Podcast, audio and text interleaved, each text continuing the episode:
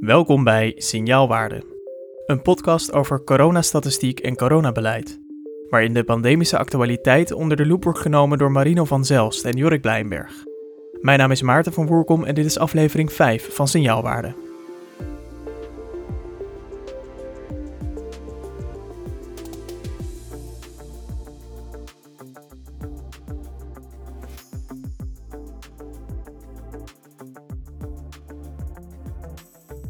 Goeiedag en welkom.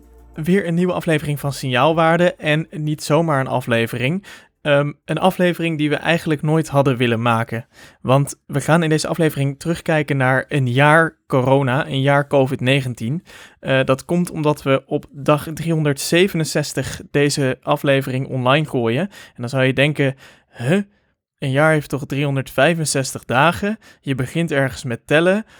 Jongens, ik ben de cijfers nu al kwijt. Jorik, help. Waarom is het dag 367 en zijn we een jaar rond? Juist, dat komt omdat uh, de eerste dag was de dag uh, dat iemand uh, voor het eerst gemeld was als positief. En we hebben een extra dagje erbij gekregen, want vorig jaar was een schrikkeljaar.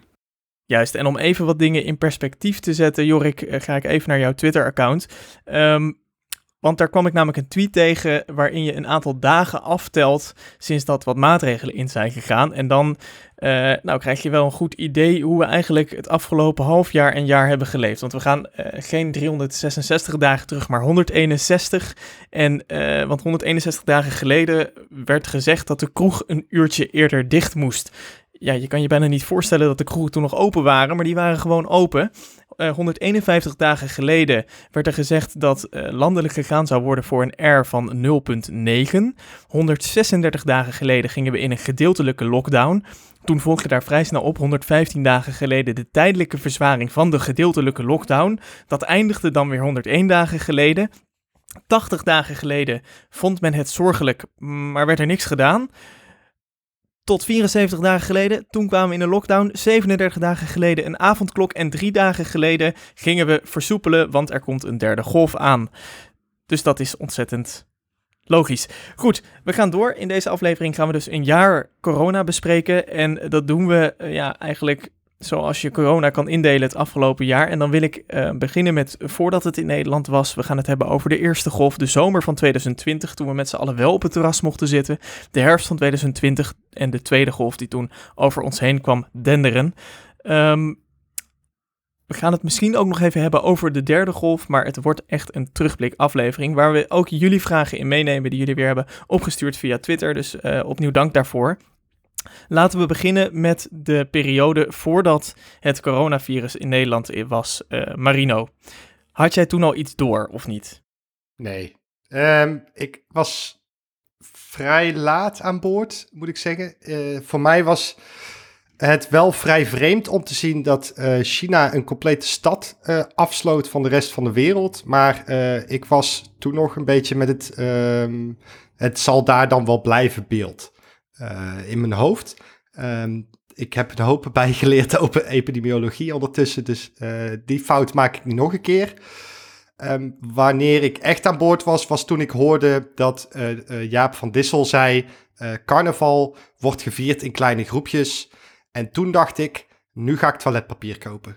Dat, dat, weet ik nog wel. Maar jij komt uit Brabant, jij weet precies wanneer de carnaval is. Um, voor de mensen die niet zo carnaval-minded zijn, vertel. Dan hebben wij het over de periode 23 uh, februari. Uh, dat, is, dat is eigenlijk uh, het officiële carnaval. We beginnen natuurlijk op vrijdag al. Dus technisch zien 21 tot en met 25 februari is het carnaval. Um, en in die periode hoorden we dus ook de heer Van Dissel zeggen dat carnaval in kleine groepjes wordt gevierd en dat het daarom niet zo'n probleem was. Nou, ik ben ervan overtuigd dat de beste man nog nooit één uur carnaval heeft gevierd. Want uh, het coronavirus verspreidt zich via grote druppels. En uh, er is met carnaval één ding zeker: er is een hoop speekselinteractie. Een hoop grote druppels toch uh, bij carnaval. Jorik, was jij al in to de COVID in deze periode? Had jij al zoiets van: mm, dit gaat misschien niet de goede kant op? Of was jij ook nog je carnavalsoutfit aan het uitzoeken?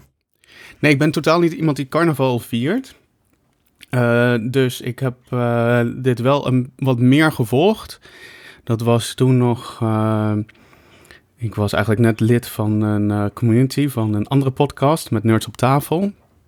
Daar zei iemand op hetzelfde moment zoals Mark Bonte dat zei, toen dat paper uitkwam, dat er een nieuwe ziekte was waarvan de R toch wel hoog was. Verrassend hoog. En toen schreef ik, oeh, dit kan wel eens een dingetje worden. En dat heb ik vanaf toen ook wel echt in de gaten gehouden. En toen hebben we ook vrij snel op, in die community een uh, apart kanaal opgericht voor corona.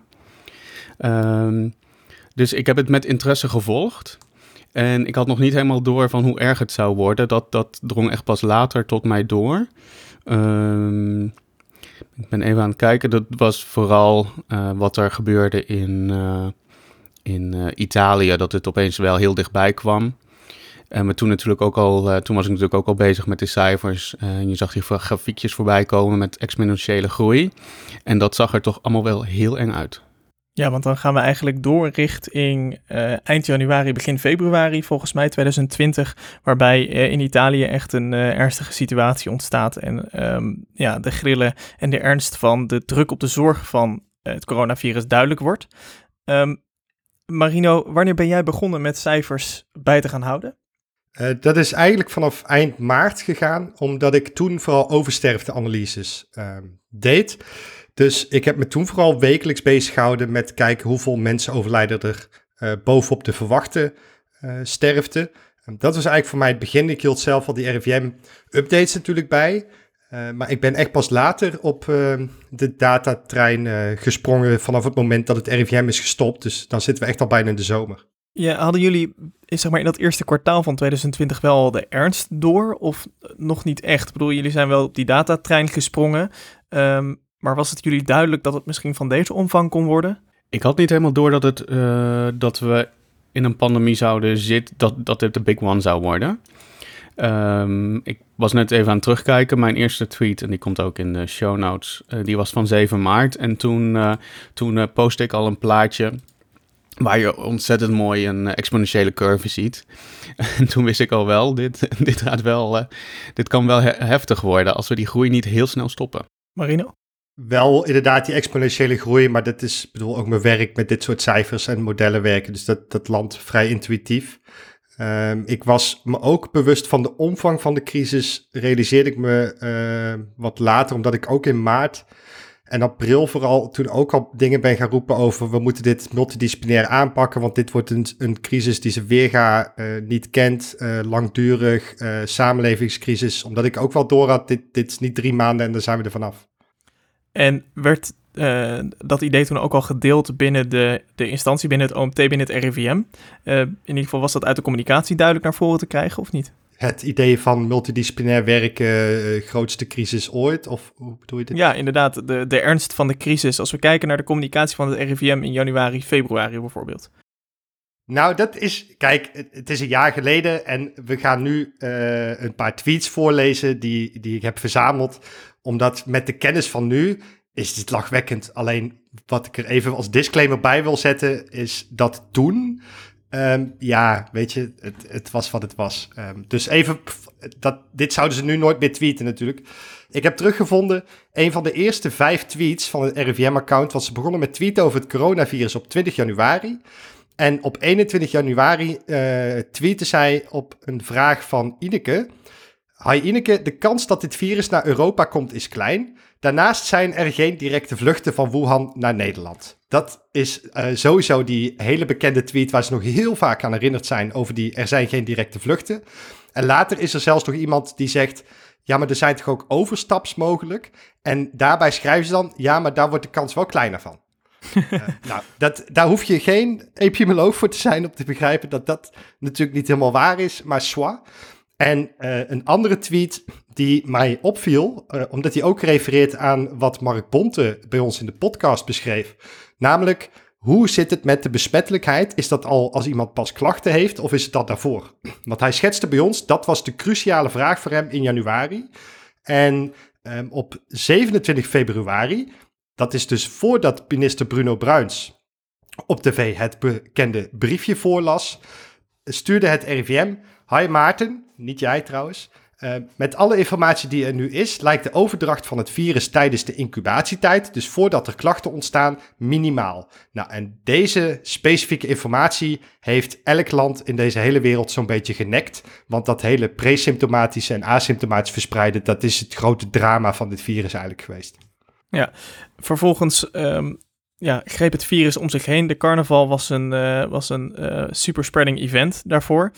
Um, we gingen toen naar de eerste golf van Nederland.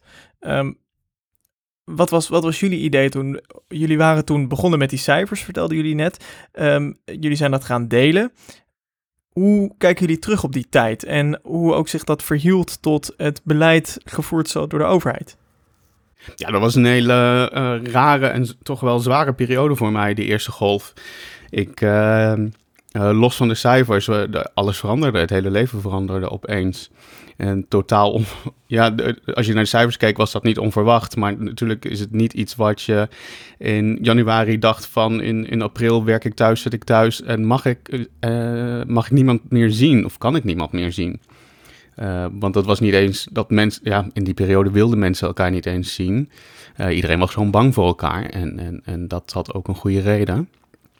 Uh, we zagen, hebben, hadden al die, al die beelden gezien vanuit, vanuit Italië. Um, ik heb toen heel veel geleerd over experientiële groei en epidemiologie. Uh, zoals velen van ons. En ik, ik, maakte me wel ontzettend veel zorgen, want ik, net, net, als iedereen, je ziet een curve die alleen maar stijl omhoog schiet. En je hoopt dat de maatregelen snel genoeg genomen worden om, om die curve op tijd af te buigen. En bij ons kwamen de maatregelen toch, uh, ja, eh, we voelden relatief laat. Je het was allemaal net, net, net een paar dagen later dan dat je zou hopen. En met de exponentiële groei is dat heel gevaarlijk. Nou, als je daar later op terugkijkt, dan zien we ook dat, dat de code zwart was een week van ons verwijderd. Dus we hebben het gelukkig net gered, maar het was, was kantje boord. Het was natuurlijk een bizarre periode. Ik woon in Brabant, dus ik was het eerste het haasje. Eh, met de maatregelen. Um, ik was ook best wel een stuk daarvoor al vrij voorzichtig. Dus ik zat echt vanaf februari eigenlijk al wel thuis te werken. Ik ben nog één keer op de Unie geweest, uh, ergens in maart voor een of andere uh, presentatie. Um, maar ik zat eindelijk eind februari al binnen. Lang voordat er serieuze maatregelen aangekondigd werden. Um, het was natuurlijk een hele bizarre periode waarin ik net zoals Jorik heel veel geleerd heb over data oversterfte, waar ik me daarvoor nog nooit mee bezig had gehouden. Ik probeerde best wel een beetje bij te lezen als een soort amateur-viroloog. Um, omdat ik als wetenschapper wetenschap leuk vind en ook uh, dat wil begrijpen dan wat er gebeurt. Um, meer persoonlijk zat ik daar laatst over te denken. En toen dacht ik, ik vond die periode wel een stuk prettiger dan nu. Um, omdat we nu ook met dezelfde maatregelen eigenlijk zitten. Alleen toen had ik wel meer het gevoel van, nu krijgen we corona echt samen onder controle. Um, dus er was een soort rare vibe van solidariteit met niemand, wat ik, maar ik zag niemand. Wat was de belangrijkste data die je toen um, zag en in de gaten hield? Uh, nou, ik was net als iedereen om uh, twee uur s middags het RIVM-accountje aan het F5'en. Uh, dus dat sowieso. Die ging en, heel vaak down, ja, dat weet ik nog wel. Ja, en, en natuurlijk de oversterfte, want daar zat ik soort wekelijks klaar voor. Toen begon ik ook internationale vergelijkingen te maken. Hè, dus, dus oversterfte van allerlei landen uh, op een rijtje te zetten. Dat werd echt wel heel goed opgepikt, weet ik. Um, dus toen ook journalisten daarmee begonnen te retweeten. Ik weet dat ik bijvoorbeeld een keer door Wie Duck geretweet werd. Uh, nou, die heeft echt 70, 80.000 volgers of zo. Ja, toen vlogen ook mijn volgeraantallen ineens de lucht in, weet je wel. En toen was een beetje het hek van de dam qua data. Kon je toen uh, nog wel jouw data relateren aan het overheidsbeleid wat toen gevoerd werd? Nou ja, um, omdat je wel duidelijk zag dat uh, we ingrepen en dat die oversterfte daardoor ook ineens naar beneden viel, zeg maar. Hè. Die kelderde ook echt in elkaar. Dus we hebben een paar weken gehad dat het heel hoog was en toen klapte het helemaal in elkaar. Ja, dat volgde gewoon toen al de trend van besmettingen. Weet je, die trends zijn nu precies hetzelfde als een jaar geleden. Dat is niet veel veranderd. Jorik, ik zie je instemmend knikken. Mm -hmm. Ja, die intelligente lockdown die heeft uh, eigenlijk onmiddellijk geholpen om het aantal uh, besmettingen uh, snel omlaag te krijgen. Dat was buitengewoon effectief. De mensen hielden zich heel goed aan maatregelen, waardoor die, die intelligente lockdown als maatregel buitengewoon goed heeft gewerkt. Dus het overheidsbeleid is, was toen uitstekend. Wat laat ingezet, maar toen het eenmaal is, was ingezet, toen, toen deed het wat het moest doen. Oké, dus dat klinkt effectief. Um, vorige week hadden we een gesprek met um, Arnold Bosman. En die vertelde dat de communicatie um, eigenlijk veel beter had gemoeten. We hebben ook een vraag over gehad van een van onze luisteraars. van, uh, en ik denk dat het een nickname is, maar we noemen hem even Mashen. Uh, in relatie tot wat meneer Bosman aangaf in de vorige aflevering, vraagt hij: hoe zouden jullie de wetenschapscommunicatie tijdens de crisis hebben ingevuld? Daar kan ik heel kort over zijn. Wat je moet doen, is mensen laten struikelen over de informatie. Uh, wat wij hier hebben is, je krijgt één keer in de drie weken uh, een persconferentie waarin um, je uh, twintig metaforen om de oren wordt geslagen. En aan het eind weet ik eigenlijk nog steeds niet wat er aan de hand is. behalve dan wat de specifieke maatregelen zijn, dat is meestal wel helder. Het verschil bijvoorbeeld is dat je Christian Drost, hè, de Duitse Jaap van Dissel noem ik hem maar even, die heeft in de eerste golf elke dag een podcast van een half uur opgenomen waarin hij gewoon in een half uur tijd op zijn signaalwaardes dingetjes uitlegde. Gewoon makkelijk, begrijpelijk te volgen mensen. Elke dag, hè, half uur. Um, ja, dat hebben we hier in Nederland niet op die manier gehad. Ik denk dat het vorige maand voor het eerst pas het RIVM een sessie had met uh, Diederik Jekel en Jaap van Dissel en Aura waarin ze gewoon dingetjes gingen uitleggen in nog steeds onnavolgbare taal. Um, dus uh, dat heb ik echt wel heel erg gemist. Gewoon duidelijk, gestructureerd, kennis, kennis, kennis, kennis. Um, en dat had echt wel, en kan nog steeds zoveel beter, wat mij betreft. Jorik, heeft dan um, het RIVM de, de Nederlandse bevolking overschat?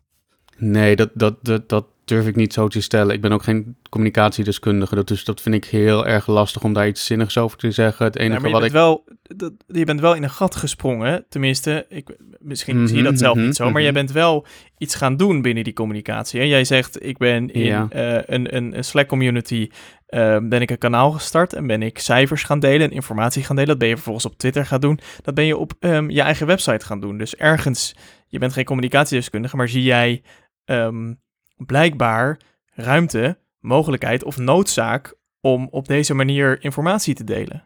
Ja, ik voel wel dat, dat mensen daar natuurlijk behoefte aan hebben. En ook echt mij nu, uh, nu ik echt mogelijkheden heb toegevoegd om mijn DM's open heb gezet en een communicatieknop op mijn website, dat ik ook wel veel vragen krijg uh, dagelijks.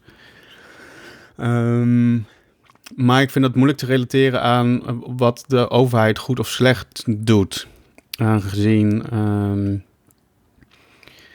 dat dat toch wel gewoon een, een, een aparte tak van sport is. Dus ik zie wel dat er heel veel misgaat, maar ik zou niet bijvoorbeeld nu kunnen zeggen het moet zo en zo beter. Daar worden overigens wel hints voor gegeven als je kijkt naar bijvoorbeeld de RIVM gedragsunit. Um, die, die zijn natuurlijk die, die zijn er experts in, dus die, die zeggen daar wel zinnige dingen over. Maar ik kan niks, niks anders dan hen uh, citeren. Nou, ik kan wel um, bijvoorbeeld even verwijzen naar uh, Ionica Smeets, hoogleraar wetenschapscommunicatie, legde dat van de week bij Atlas ook mooi uit.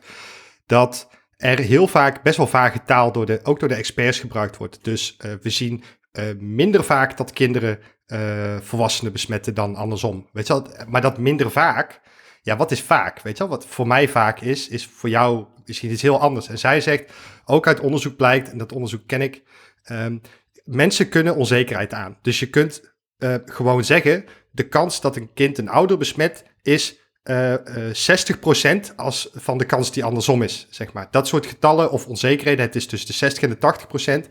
Mensen kunnen dat echt aan. Blijkt ook uit onderzoek over wetenschapscommunicatie. Ja, dat soort dingen heb ik gewoon gemist. Gewoon uh, wetenschap die op een genuanceerde, maar begrijpelijke manier, zonder te denken dat mensen het niet begrijpen, gecommuniceerd wordt. Uh, en dat is wel een gat, deels waar wij bijvoorbeeld ingesprongen zijn, al best wel lang. Ja. En daarmee dus tijdens de eerste golf um, al zijn begonnen met duiden. Dan denderen we door en dan gaan we naar um, april, mei, um, echt de lente, begin van de zomer. En dan zien we in de tijdlijn van uh, de Rijksoverheid, die houden dat heel specifiek, hebben ze dat bijgehouden met alle pers persberichten, moet ik zeggen, erbij. daar zien we dat Um, in april eigenlijk ter sprake komt uh, dat er een app gaat komen, maar ook dat um, de testbeleid gaat worden uitgebreid.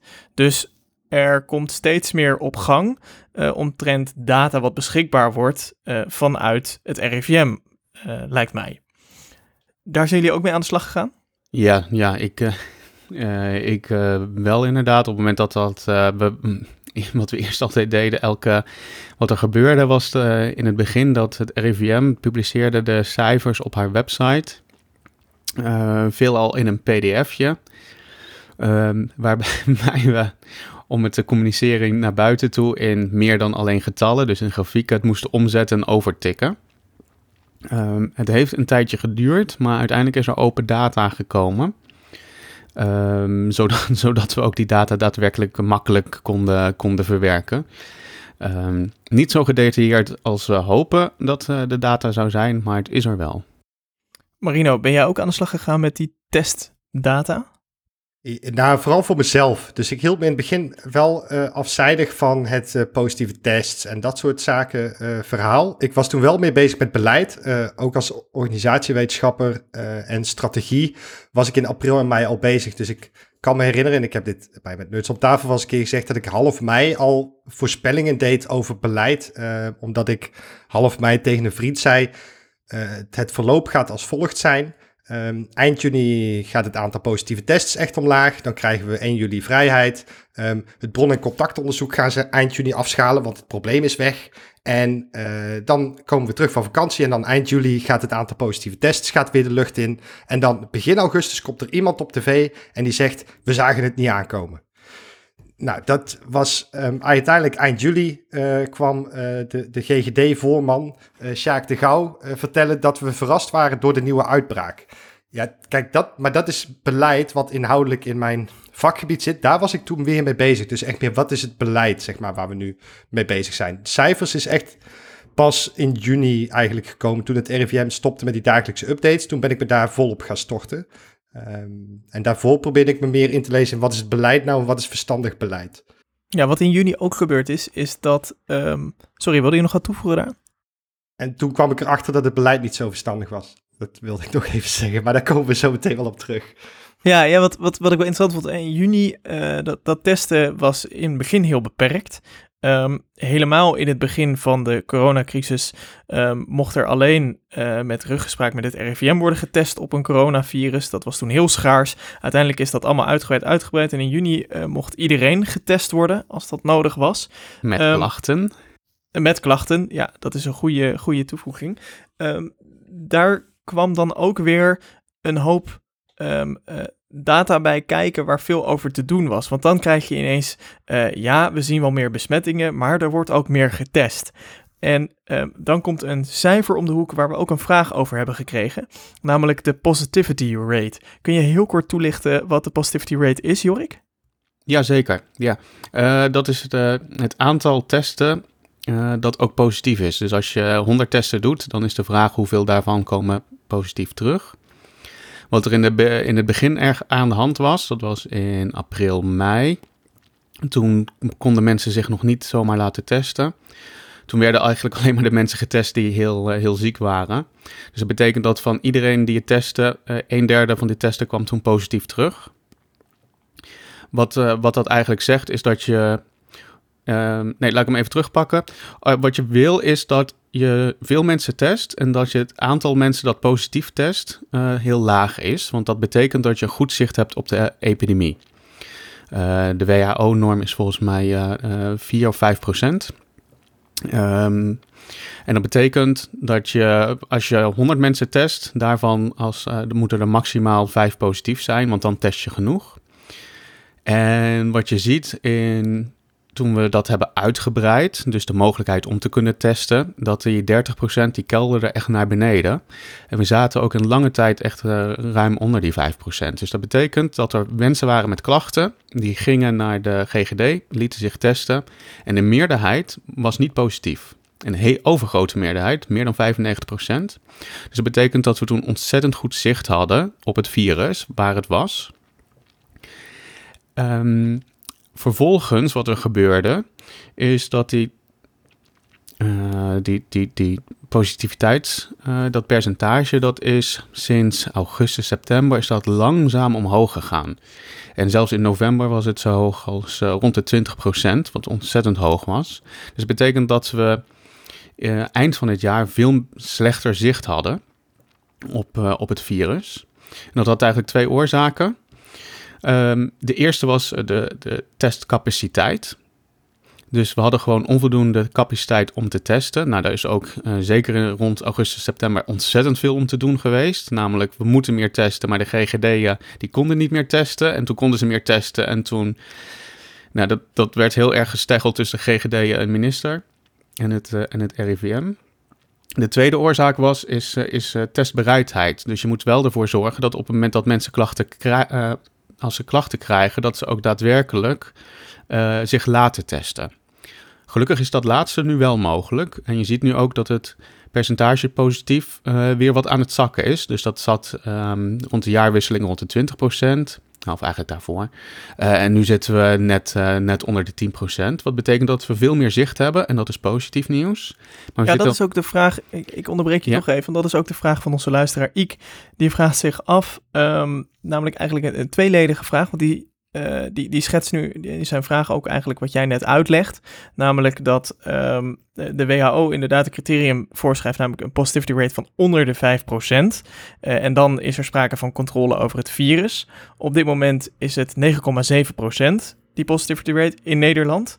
Uh, wat zegt dat dan over de mate van controle over het virus bij, en daar zet hij deze kanttekening bij, dat we nu een unlimited test mogelijkheid hebben. Dus dat we eigenlijk, uh, waar we eerder een gelimiteerde hoeveelheid test hadden, nu een ongelimiteerde hoeveelheid test hebben. Wat belangrijk is om te weten is dat je die, die positief, de percentage positief, dat geeft aan hoe goed zicht je hebt.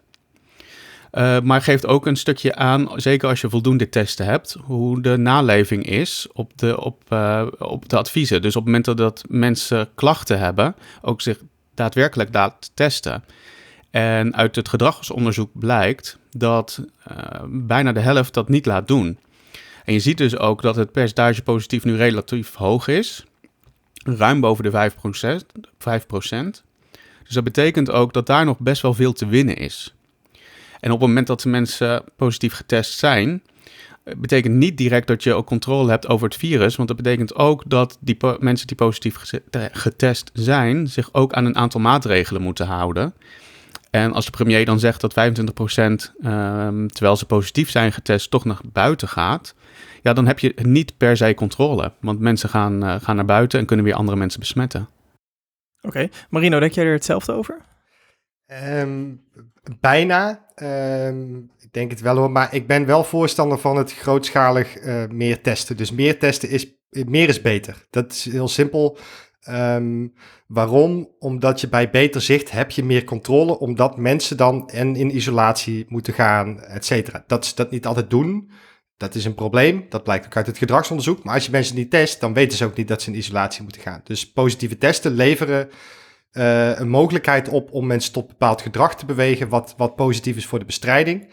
En uh, we krijgen een beter beeld van de, de ontwikkelingen. Dus, dus specifiek ook voor maatregelen. Want wat we doen is, we sturen natuurlijk op het uh, positieve test, reproductiegetal, ziekenhuisopnames bijvoorbeeld. Dus op het moment dat we niet goed testen en we niet precies weten hoe die dynamiek verloopt, weet je ook niet of maatregelen uh, bijvoorbeeld goed functioneren of niet. Dus dan kun je ook daar niet in bijsturen. En ik zeg Als een voorbeeldje, stel dat je een ballenbak hebt met, met uh, duizend uh, knikkers erin, uh, met 990 blauwe en 10 rode. En de taak wordt om die 10 rode te vinden. Ja, als je 10 keer erin grijpt en je pakt toevallig die twee rode, dan denk je dat er een gigantische hoeveelheid rode balletjes in zit.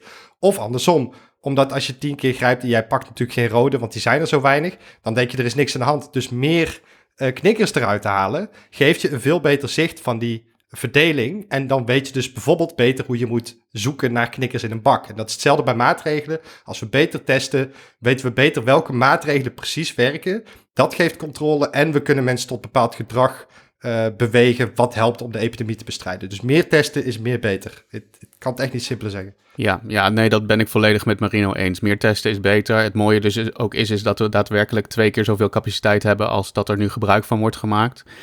Ehm, en dat is ook heel erg gestimuleerd.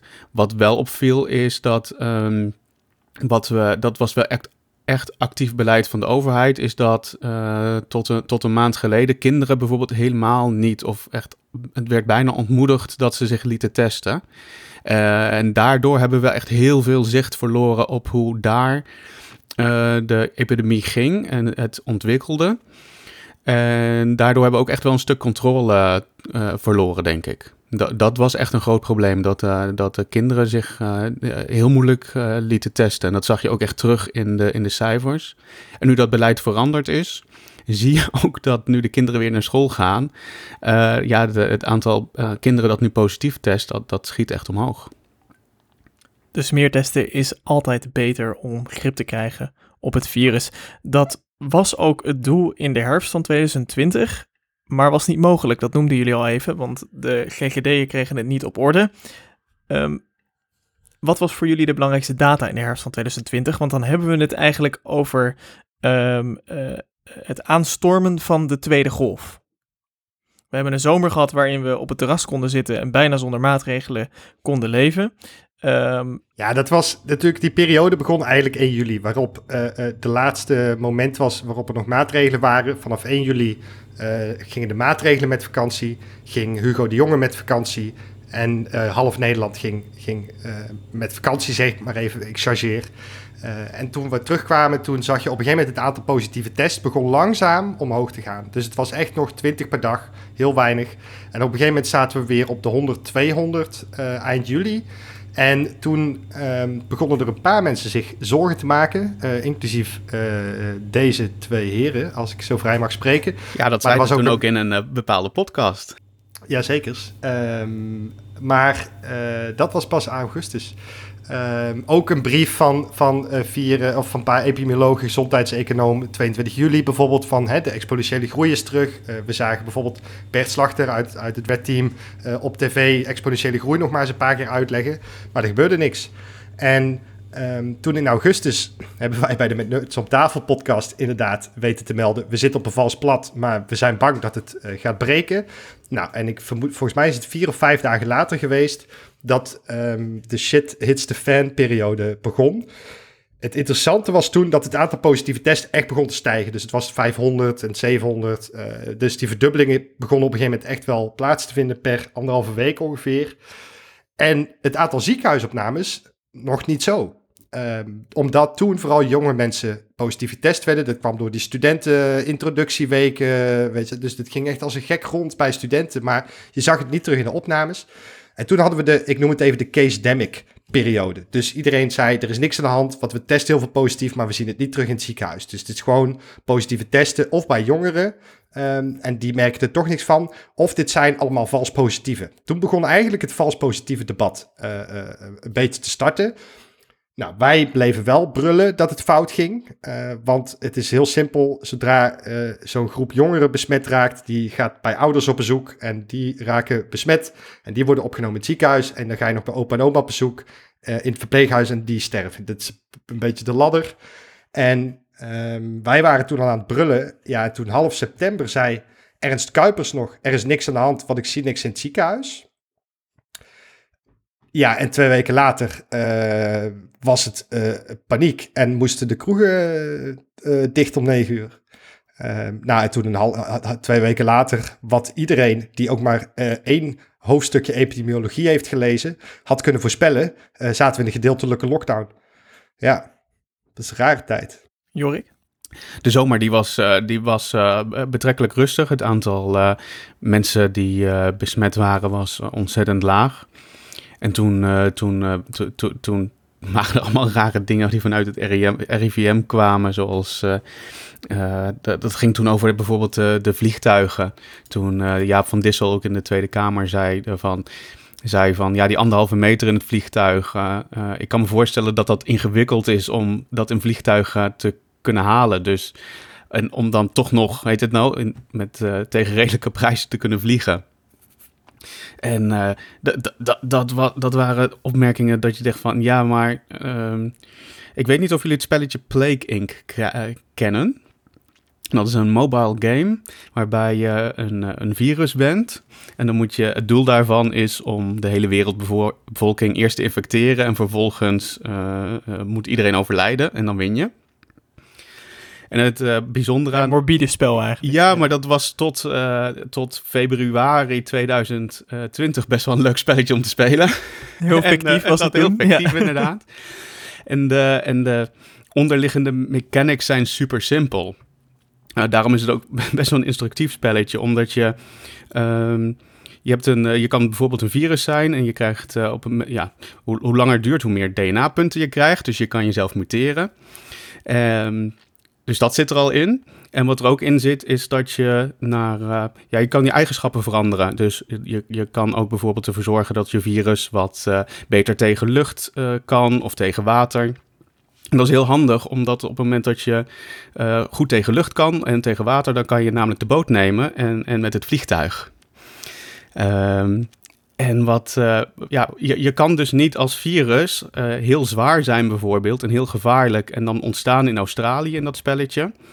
En vervolgens ook de rest van de wereld infecteren. Waarom niet? Omdat andere mensen in de wereld zien van, oh, gevaarlijk virus, we sluiten de havens en de vliegt, uh, heet het nou, de, de luchthavens. Zodat, ja, dan kan het virus nergens heen en kan je niet winnen. Ja, dus dat is het heel raar om, om mensen gewoon met een vliegtuig te zien tijdens een pandemie. Uh, oh, jij denkt, op mijn smartphone heb ik het net even geprobeerd en het kan niet. Inderdaad, juist, juist. Want in die zomer ook, toen waren de cijfers natuurlijk bij ons ontzettend laag. En zat iedereen buiten. Maar op het moment dat je niet naar Nederland kijkt, maar gewoon de rest van de wereld, de pandemie die ging gewoon door. Dat, uh, die stond gewoon uh, absoluut niet stil. Dus wat er toen gebeurde en dat, dat reizen, dacht ik ook echt van ja, ik, ik snap dat het wordt toegelaten of zo. Of ik, nee, ik, ik, ik begrijp dat ze het doen, maar ik, ja, ik keur het niet echt goed. Dit, uh, dit is raar. En zeker dat RIVM zei van oké. En wat je ons in de landen toen ook om ons heen zag, was dat iedereen mond-neusmaskers uh, begon te, te, dragen. En um, in, uh, in juli zei toen uh, zei het RIVM nog van ja, een mondkapje is niet nodig als, uh, als mensen zich gewoon aan de regels houden. hetzelfde gold trouwens toen ook nog voor persoonlijke beschermingsmiddelen in de zorg. als mensen namelijk meer dan anderhalve meter afstand hielden, dan was dat, was dat ook goed ja, weet je, of als je kort contact had, dat was toen nog die hele discussie over de, over de richtlijnen van, van de persoonlijke beschermingsmiddelen in de zorg. Van ja, die zijn niet nodig, zei het RIVM. Ehm, ook als je vluchtig contact hebt, dan is dat wel prima, zeg maar. Dat, dat hoeft niet. Ja, dat, dat, was heel, uh, dat was een rare periode. En vervolgens in september, ja, toen, ja, toen, toen hadden we er toen ook over. Toen, toen liepen de gevallen op. Toen hadden we een soort van piekje en die, dat begon toen heel licht te dalen. Maar ja, je zag eigenlijk al, voelde al wel van dit, dit, dit kan zomaar heel snel misgaan. En dat gebeurde toen ook. Waar ik eigenlijk me het meest over verbaasd heb in die periode is... Uh, ik heb een paar maanden geleden gezegd, misschien hadden, hebben we een tweede golf nodig om de derde te voorkomen. En in die periode dacht ik, um, ik weet niet of we iets geleerd hebben van uh, februari tot en met uh, mei. Maar ik had het gevoel van niet. Uh, want ik zag een heleboel experts en mensen die wat te zeggen hebben en wat te besluiten hebben in het land. Dingen roepen waarvan ik dacht, god, ben je vergeten wat er in het afgelopen half jaar is gebeurd. Um, hè, dus ik refereerde net even aan Ernst Kuipers, die zei half september, terwijl die cases al omhoog begonnen te vliegen. Um, ja, ik zie nog niks in het ziekenhuis. En toen dacht ik, ja, maar dat zag je in februari ook niet. Weet je wel? Maar dit is hoe, hoe verspreiding werkt, zeg maar. Dat gaat eerst traag en dan ineens ontploft het in je gezicht. Het is nu niet anders. Nou, en dat maar zag je ook... Jullie, zien jullie tussen die eerste en die tweede golf, zien jullie daar nou cijfermatig verschil in? Gewoon los van hoogte, maar, maar we hebben het ook zo van een eerste golf, een tweede golf en zometeen een derde golf. Um, zijn dat ook dezelfde dingen? Nee, dat zijn niet dezelfde dingen, omdat die eerste golf was echt een totale ontploffing natuurlijk. Hè? Dus die, die, die curve die vloog omhoog, het aantal opnames uh, verdubbelde per paar dagen bijna, zeg maar. Dus we hadden in de ene week nog 30 opnames en de weken na zaten we ineens op, op 100 of 200 opnames. Dat was heel bizar om te zien. Waardoor iedereen ook, um, denk ik, meedeed. Want het was natuurlijk ons gedrag in de eerste golf werd ook wel door angst gedreven. Omdat iedereen die opnames zag om, omhoog vliegen, de sterfte omhoog vliegen. Ja, dat, het, het, bedoel, het is niet duurzaam, maar het werkt als een trein om mensen binnen huis te houden. In die tweede golf zag je het veel langzamer oplopen. Dus we zagen in de zomer een beetje de aanloop. Dat was een hele lange aanloop. En uh, toen die studenten, uh, zeg maar, uh, eigenlijk de, de drijfveer in de grote steden waren van, van het begin van de tweede golf. Toen zag je het daar de grond gaan en ineens begon dat te stijgen. Maar dat was niet zo expl explosief, um, omdat we toen natuurlijk goed monitorden. Mensen konden het mee in de gaten houden. Mensen waren zich er ook van bewust. Dus die snelheid lag een stuk lager. Het was niet zo'n explosie. Um, maar we zijn toch weer echt wel dicht in de buurt gekomen op de verpleegafdeling qua opnames van wat er in de eerste golf uh, was. Dus de hoogte van de piek op de verpleegafdeling, niet op de IC, um, kwam aardig in de buurt hoor. Zag jij dat ook zo, Jorik? Ja, het tempo van de, de, de tweede golf, dat was allemaal wat langzamer.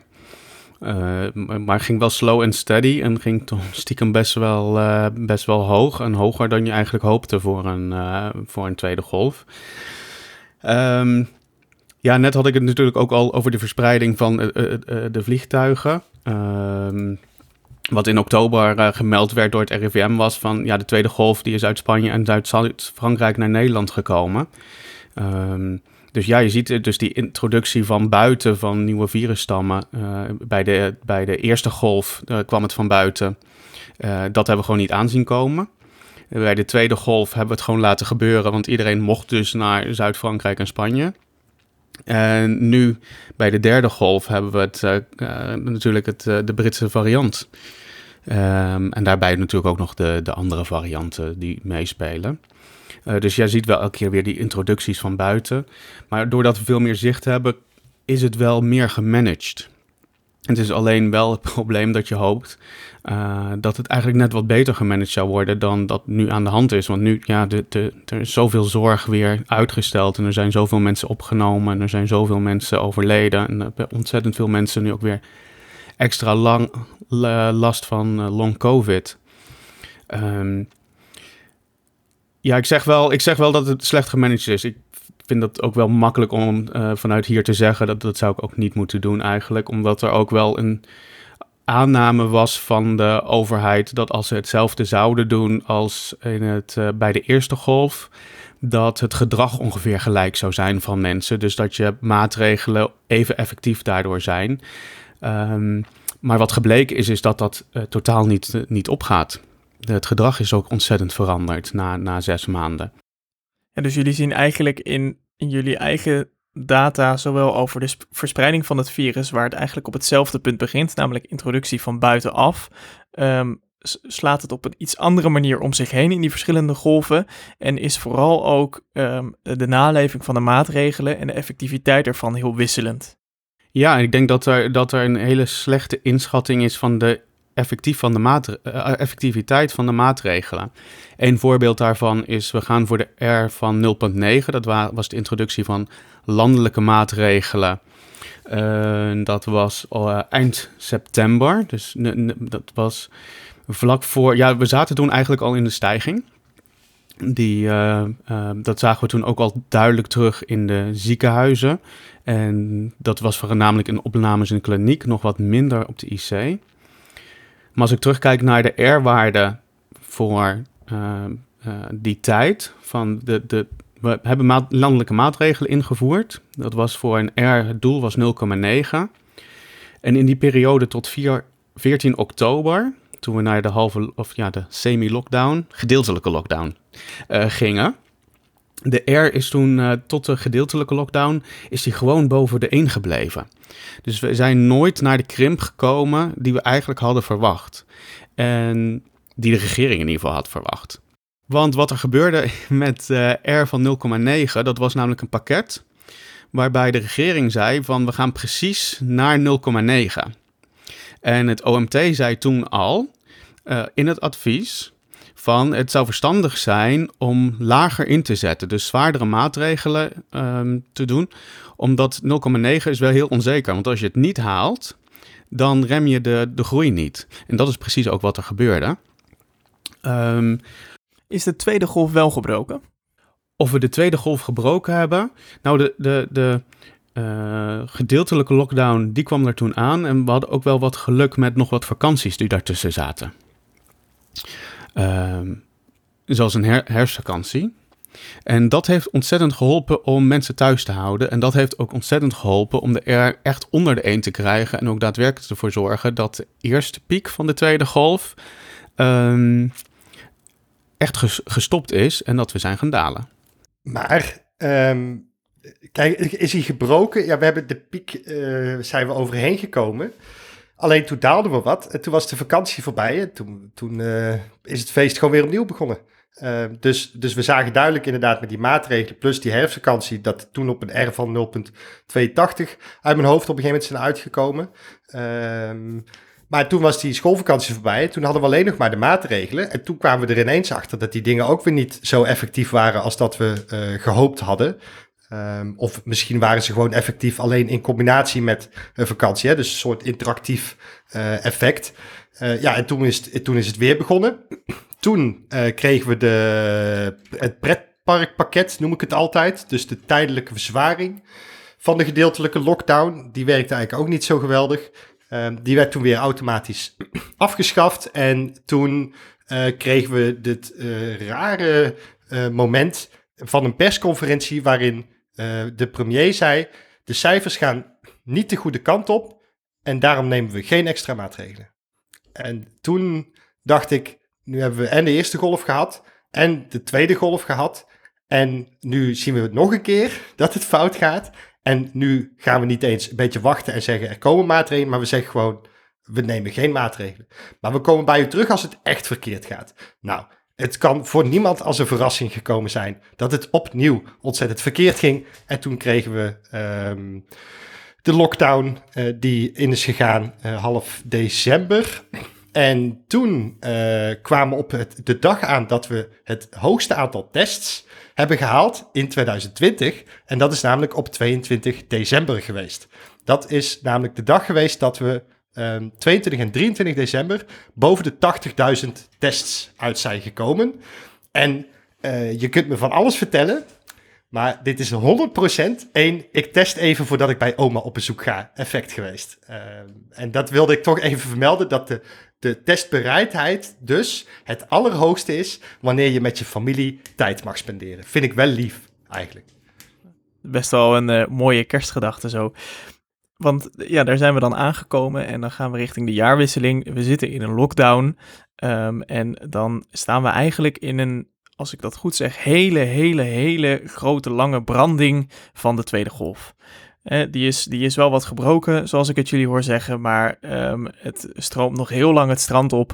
En we staan zeker met de enkels, eh, kuiten nog in het water eh, van besmettingen van corona. En ehm, dat brengt ons eigenlijk bij de dag van vandaag. Eh, daar wil ik toch nog even kort aanstippen. We hebben het jaar corona nu doorsproken. En ehm, met dat we nu een eerste golf hebben kunnen bespreken, een tweede golf hebben kunnen bespreken, ehm, lijkt het eh, om in termen van onze minister-president te blijven onvermijdelijk dat we ook over een derde golf gaan spreken. Ja, dat, eh, dat za- zag ik in ieder geval nog niet aankomen in, in december. Dat, eh, dat was een ontzettende verrassing.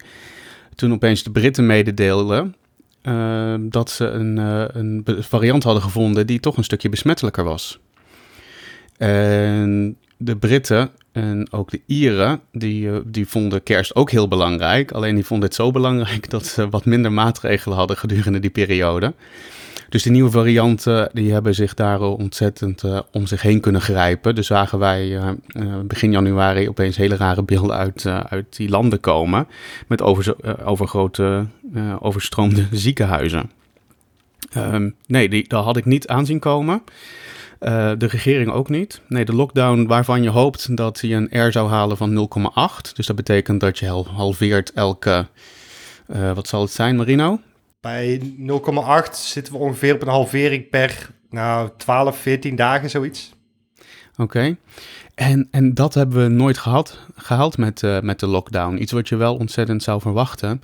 We zijn op een pad geraakt van een R van 0,9. Dus dat is volgens mij een halvering van elke drie weken. Dus het is ontzettend langzaam. Dus dat, daar zit een deel in de maatregelen die gewoon wat minder goed werken. En een deel de, de nieuwe variant. Ja, en die zie je nu opeens uh, ontzettend opkomen. Waardoor we toch weer een, uh, een, een piek gaan zien. Die, die piek die is overigens al een paar weken geleden voorspeld door het RIVM. Dat zagen zij aankomen in hun modellen. En um, ja, dat, dat is even, dat, dat wordt heel spannend de komende tijd. Wat ik, wat ik gek vind is, en ik blijf dit maar even herhalen blijkbaar in deze aflevering, uh, dat uh, bijvoorbeeld de premier aangeeft, de derde golf is onvermijdelijk. En dan denk ik, onvermijdelijk? Maar wat zitten we dan te doen met z'n allen? Um, dus uh, je kunt uh, gedrag beïnvloeden met beleid en communicatie. En we weten dat de motor achter de epidemie is gedrag. Als we elkaar niet meer zien, kun je elkaar niet besmetten, dan houdt het vanzelf een keer op. Weet je, het is heel simplistisch gezegd, maar, maar dat is het idee van, van virus bestrijden, dat je contacten reduceert. En um, daarom vind ik het altijd zo gek dat er wordt gesproken over de derde golf is onvermijdelijk, omdat dat niet het geval hoeft te zijn, natuurlijk. Het is een keuze, deels um, vind ik, van de beleidsmakers. Want je kunt gedrag gewoon um, beïnvloeden. Deze tijd is, zoals Jorik eigenlijk schetst, best wel heel spannend. Want je ziet het reproductiegetal omhoog vliegen. We zien het aantal positieve tests omhoog gaan. Ook het aantal tests. Hè, dus mensen laten zich weer meer testen. Daar ben ik heel blij om. Um, dat die testbereidheid omhoog gaat. En um, wie weet tikken we vanwege de paasfeestdagen wel weer 80.000 tests aan. Omdat mensen blijkbaar zich laten testen bij feestdagen. Um, maar het wordt wel spannend en ik vraag me wel altijd af, moeten we dit de derde golf noemen? Want de tweede golf is echt nog niet klaar. Zeg Ja, ik noem het uh, het liefst denk ik gewoon de eerste golf van de nieuwe varianten. Want uh, die ja. zijn toch wel heel erg dominant uh, voor, en kenmerkend voor deze golf. Ik was nog even aan het nadenken over die R 0,8. Als de lockdown echt had gewerkt, hadden wij nu op, in, op niveau waakzaam gezeten, al, al bijna een maand. Dat, dat realiseer ik me nu eigenlijk. Ja, dan hadden we al bijna een maand lang gewoon op waakzaam heel erg groen gezeten. En hadden we daadwerkelijk nu, um, ja, ik wil niet, wil niet zeggen alles open kunnen gooien. Maar dan was ons leven wel ontzettend veel beter geweest dan dat het nu is. Want voor de luisteraars die dit later luisteren. We hebben een lockdown en een avondklok, een bezoekbeperking. Er mag nog één persoon per dag op bezoek komen. Maar de scholen zijn open. En volgende week uh, uh, mogen we ook weer naar de, naar de kapper toe en ons laten masseren. Dus uh, goed nieuws. Maar geen sekswerk, want dat is anders dan een kapper. En ik moest daar heel hard lachen voor degenen die de persconferentie niet geluisterd hebben, vroeg een journalist van waarom niet dat. En toen moest de premier met een stalen gezicht uitleggen, er is een verschil tussen sekswerk en de kapper. En die journalist voegde daartoe, ik, ik, ik moet er nog om lachen, ja, ik vraag dit voor een vriend. Het was, ik vond het zo geweldig moment. uh, ik denk, ik moet het hier maar even opnieuw benoemen. Ja, ik ben echt kapot gelachen. Ja, Goed, wat zijn nou de cijfers waar jullie dan nu op gaan letten de komende uh, week? Nou, de, de, de, komende periode gaat ontzettend raar worden. Um, ten eerste had ik het uh, uh, de, vorige keer al over. Dat ging over de preventieparadox. onder andere. Dus je, je ziet zeg maar de, de derde golf aankomen. Je wil niet dat dat gebeurt. Dus gaan we maatregelen nemen om te zorgen dat het niet gebeurt. En vervolgens gaan andere mensen dan zeggen van... oh, het is helemaal niet zo erg, want, want de cijfers zijn niet zo hoog. Maar goed, het gaat er dus om... Um, dat mensen zich uh, gewoon dan goed aan de maatregelen hebben gehouden. Um, dat lijkt nu niet te gebeuren. De, de roep om versoepelingen in de, in de maatschappij, die, uh, die, uh, die horen nu overal om ons heen. Dus, dus een lagere derde golf, dat, dat denk ik niet. Nee, ik denk dat er iets heel raars gaat gebeuren, namelijk dat we de cijfers zien oplopen qua aantal besmettingen. Dat mensen dat ook relateren aan het aantal ziekenhuisopnames en het aantal doden. En afhankelijk daarvan zeggen en proberen in te schatten hoe erg is het nou het aantal besmettingen. Dus als we straks 10.000 besmettingen hebben, bijvoorbeeld over een week of drie, vier. Het wat er kan gebeuren is dat omdat we nu aan het vaccineren zijn, uh, we een, aantal, een groot aantal ziekenhuisopnames en een groot aantal doden gaan voorkomen. Waardoor zeker in het begin um, de, de, uh, het aantal besmettingen echt voorloopt op het aantal doden en ziekenhuisopnames, waardoor het minder erg lijkt, deze golf. Waardoor het niet lijkt alsof de nieuwe varianten daadwerkelijk gevaarlijker zijn voor ons. En dat kan ons wel eens gaan opbreken, omdat mensen denken bij een hoog besmettingsniveau: oh, het is helemaal niet zo erg, want de ziekenhuizen stromen nog niet over. Um, we zijn vervolgens wel bezig met verdubbelingen. En dan een week later de ziekenhuizen daadwerkelijk vol liggen, maar dan met vooral jongere mensen die niet gevaccineerd zijn. Dat, uh, dat, dat is denk ik een dynamiek waar ik bang voor ben en wel zie gebeuren. Marino, ik ben toch benieuwd. Jij bent gedragswetenschapper. Um, je hebt nu een paar keer genoemd dat uh, je een stap, een keuze die de overheid maakt, namelijk um, niets doen terwijl je cijfers ziet oplopen of terwijl je in je modellen ziet er komt een volgende golf aan. Uh, nu gaan ze zelfs iets versoepelen, terwijl ze aan de andere kant ook zeggen um, een derde golf is onvermijdelijk. Daarnaast heb je in de podcast meerdere keren gezegd, en hebben we dat ook van andere experts gehoord, dat gedrag is eigenlijk de key, is de sleutel tot succes in het bestrijden uh, van dit virus. Je moet natuurlijk een bepaalde compliance hebben in je gemeenschap om te zorgen dat die maatregelen daadwerkelijk lukken. We zien de afgelopen weken, maanden, dat de compliance afneemt. Hè, dat mensen uh, denken, het is mooi weer, we kunnen echt wel met z'n allen in het Vondelpark gaan staan. Is het dan toch misschien, ondanks dat je ermee een risico neemt qua besmettingen, voor je compliance uh, een strategisch goede keuze om te zeggen we gaan versoepelen? Nee, ik denk het niet. Um, kijk, ik snap het, ik snap het wel. Snap je? Ik, ik, ik, um, kan me wel, ik kan me erin invoelen in algemene zin. Um, wat ik van de week ook twitterde tijdens het laatste, uh, mind you, coronadebat van deze huidige Tweede Kamer. Um, was dat er geen enkele uh, fractievoorzitter, dan wel kabinet, durfde te zeggen. Um, ja, er zijn uh, hè, problemen buiten het medische virusverhaal. Um, en daardoor uh, uh, gaan we wat versoepelen. Maar we nemen een totale gok met dit virus en met de zorg. Nou, dat is de afweging die ik maak. Weet je, dat is wel eerlijk, zeg maar. Wat het nu was, was we gaan versoepelen. En dan sluit ik een uh, persoonlijk contract, afspraak met u allen af, zei de premier. Dat jullie allemaal beter je best gaan doen. Dus waar ze op gokken, en dit zei de jongen ook nog in het debat meerdere keren expliciet. We, we geven mensen wat ruimte in de hoop dat ze zich beter aan de resterende maatregelen gaan houden. Ja, ik vind het echt wel een risico. Um, en waarom doen mensen dit?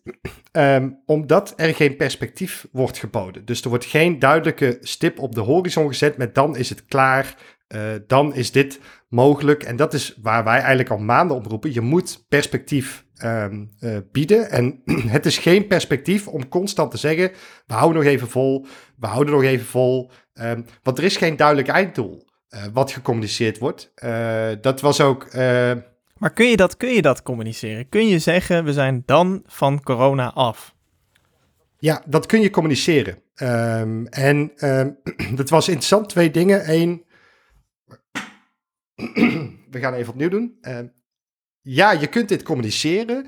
Uh, en twee dingen vallen mij uh, daar even bij op. Eén, uh, er was een motie en er werd wat over gedebatteerd in de Tweede Kamer over het lange termijn perspectief. Uh, begon erover, Van Cote Arissen begon daar bijvoorbeeld over. En die schetsten allebei van, hè, waar willen we nou naartoe werken? Zero COVID kwam er even op tafel, endemische status, ik wil een lange termijn routekaart. Allemaal van dat soort zaken. En toen zei de jong ook, ja, maar we zijn nou bezig met bestrijden. Dus, dus laten, we laten we eerst even nu bestrijden en dan gaan we het later wel over het lange termijn verhaal hebben. En toen dacht ik, ja, maar dit is precies het probleem wat je aan het creëren bent. Je moet het over de lange termijn hebben, want je moet mensen meenemen naar waar zijn we naartoe aan het werken. Dus jij zegt eigenlijk een, een lange termijnvisie is een onderdeel van je bestrijding. Juist. En dat weigeren ze de hele tijd. Omdat het constant is, nee, maar we hebben nu een probleem wat we op moeten lossen. Ja, maar je lost dat probleem dus op door tegen mensen te zeggen, dit is waar we naartoe werken, daar doet u het voor. Uh, en dan gaan mensen het doen. Nou, wat interessant is, en dat is ook een vraag van een luisteraar die ik voorbij zag komen, is in Engeland hebben ze dus nu een routekaart voor een exit-strategie ontworpen. Dus Boris Johnson heeft aangekondigd, we komen deze crisis uit en we hebben een exit-strategie ontworpen met een routekaart. En uh, die routekaart kenmerkt zich door uh, twee zaken.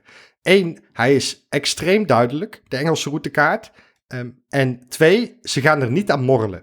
Um, en dat vind ik interessant. Dus wat ze hebben gedaan is, hebben, ze hebben vier fases of stappen ontwikkeld. Uh, met uh, zeg maar het openen van de samenleving. Waarbij ze dus zeggen: Goh, als we op dit punt zitten, dan mag u dit weer doen. Dan mag u dit weer doen. Het grappige is dat ze dus schetsen. Um, op 8 maart gaan ze de scholen weer open doen. Uh, en uh, op 29 maart hebben ze weer de Rule of Six. Dus dat betekent dat je weer met zes mensen mag afspreken. buiten, let wel. En je mag weer buiten sporten georganiseerd. Dus dat is wat wij nu alweer mogen vanaf 3 maart. Nou, wat ze dan zeggen is, we gaan vijf weken tussen de fase minimaal doen. Dus er zitten vijf weken tussen, omdat we vier weken willen wachten om te kijken of het goed genoeg werkt. En na de vierde week gaan we evalueren en krijgen mensen de week lang de tijd om te zeggen, oké, over een week gaan we de, nieuwe fase in. Wat ze, het grappige wat ze doen, is uh, dat ze vier indicatoren hebben. Die gaan over het vaccinatieprogramma moet goed werken. Het vaccinatieprogramma moet laten zien dat we een beetje het Israël-effect krijgen. Hè? Dus, dus het aantal sterfgevallen en opnames moet omlaag. Uh, infectiedruk uh, moet omlaag. En we moeten geen nieuwe fundamentele inzichten krijgen in nog lijpere nieuwe variants of concern. Dus, dus nog meer mutaties die nog meer problemen, die moeten er ook niet zijn, zeggen ze dan. Nou, wat, wat je daarna krijgt, is de volgende stap. Dat is stap 2. Die begint minimaal vanaf 12 april. Dat is dus precies vijf weken na stap 1. Nou, en dan mogen zij weer naar de kapper. Dat is dus pas half april, hè? Uh, wij mogen volgende week al naar de kapper. Uh, en een aantal andere zaken, zoals uh, doorstroomlocaties, zoals pretparken en dierentuin. Maar wat ze zeggen is, zelfs als we voor 12 april al zitten op een punt waarop we denken, we kunnen fase 2 wel aan, we doen het niet. Ja, dus het werkt dus, twee kanten dus eigenlijk.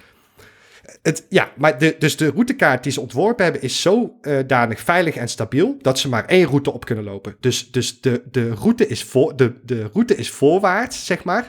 Johnson heeft gewoon gezegd, die samenleving moet open, maar we gaan dit veilig doen en we gaan niet versoepelen en dan weer terugdraaien en dan weer versoepelen en dan weer terugdraaien. Maar dan moet je dus veiligheid inbouwen. Dus jij zegt eigenlijk, als je een veilige routekaart ontwikkelt, um, waarbij je misschien langer, onnodig lang in een lockdown situatie zit, um, bied je beter perspectief aan mensen dan dat je dat niet doet. En dat ja, je... het, gaat, het gaat niet over onnodig natuurlijk, um, maar uh, het gaat erover dat je duidelijk maakt aan mensen, jullie moeten zo lang minimaal volhouden, want dat is de inschatting die de experts daar maken van hoe lang het duurt om weer op een nieuwe fase te komen.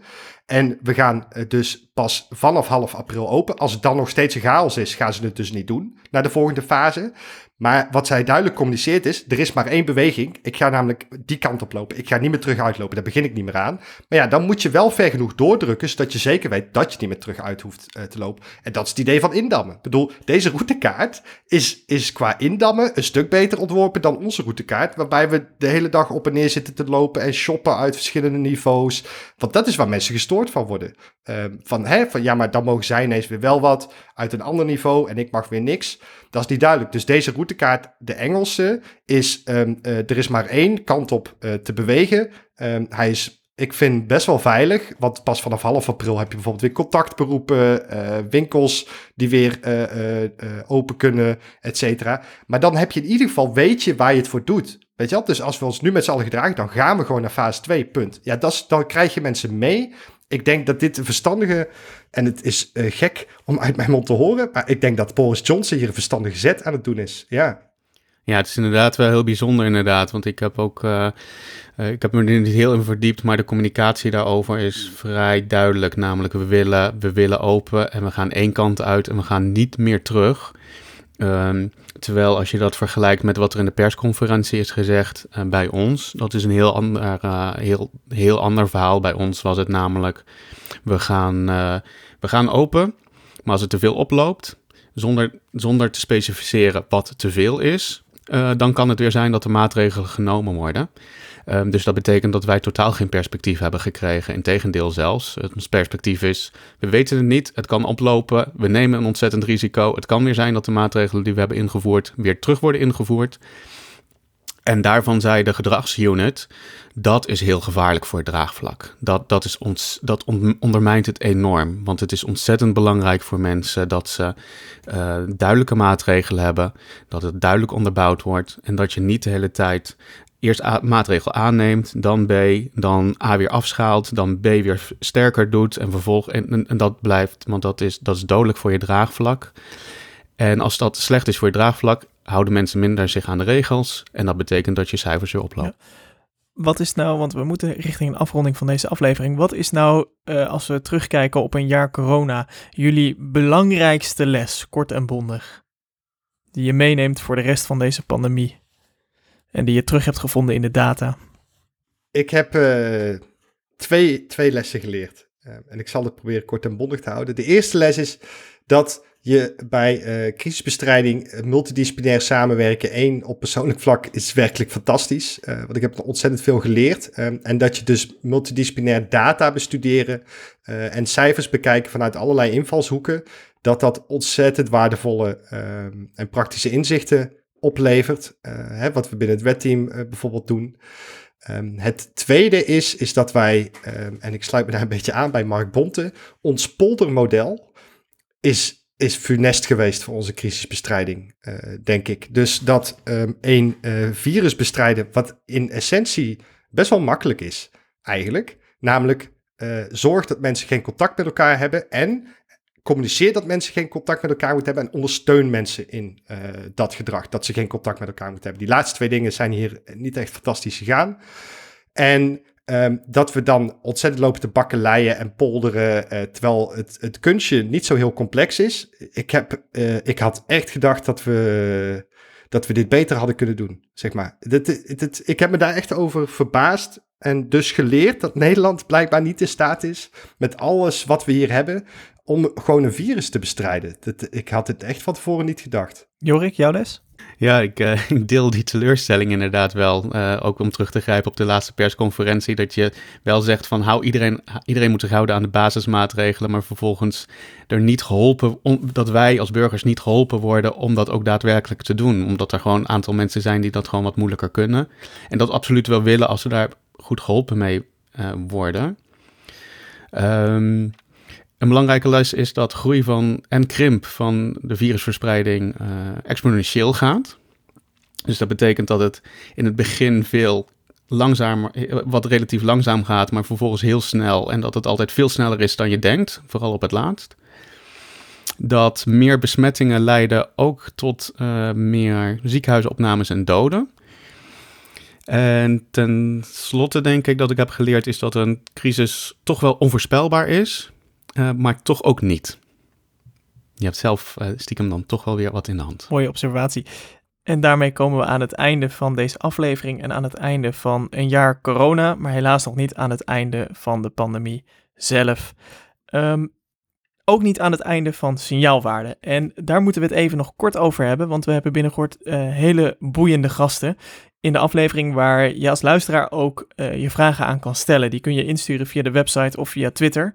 Um, we treffen binnenkort um, Yvonne van Duinhoven in de podcast. Uh, zij is de directeur van de GGD Amsterdam met wie we in gesprek gaan over het verloop en de bestrijding van deze pandemie. En we treffen uh, bijzonder hoogleraar Ruben van Galen.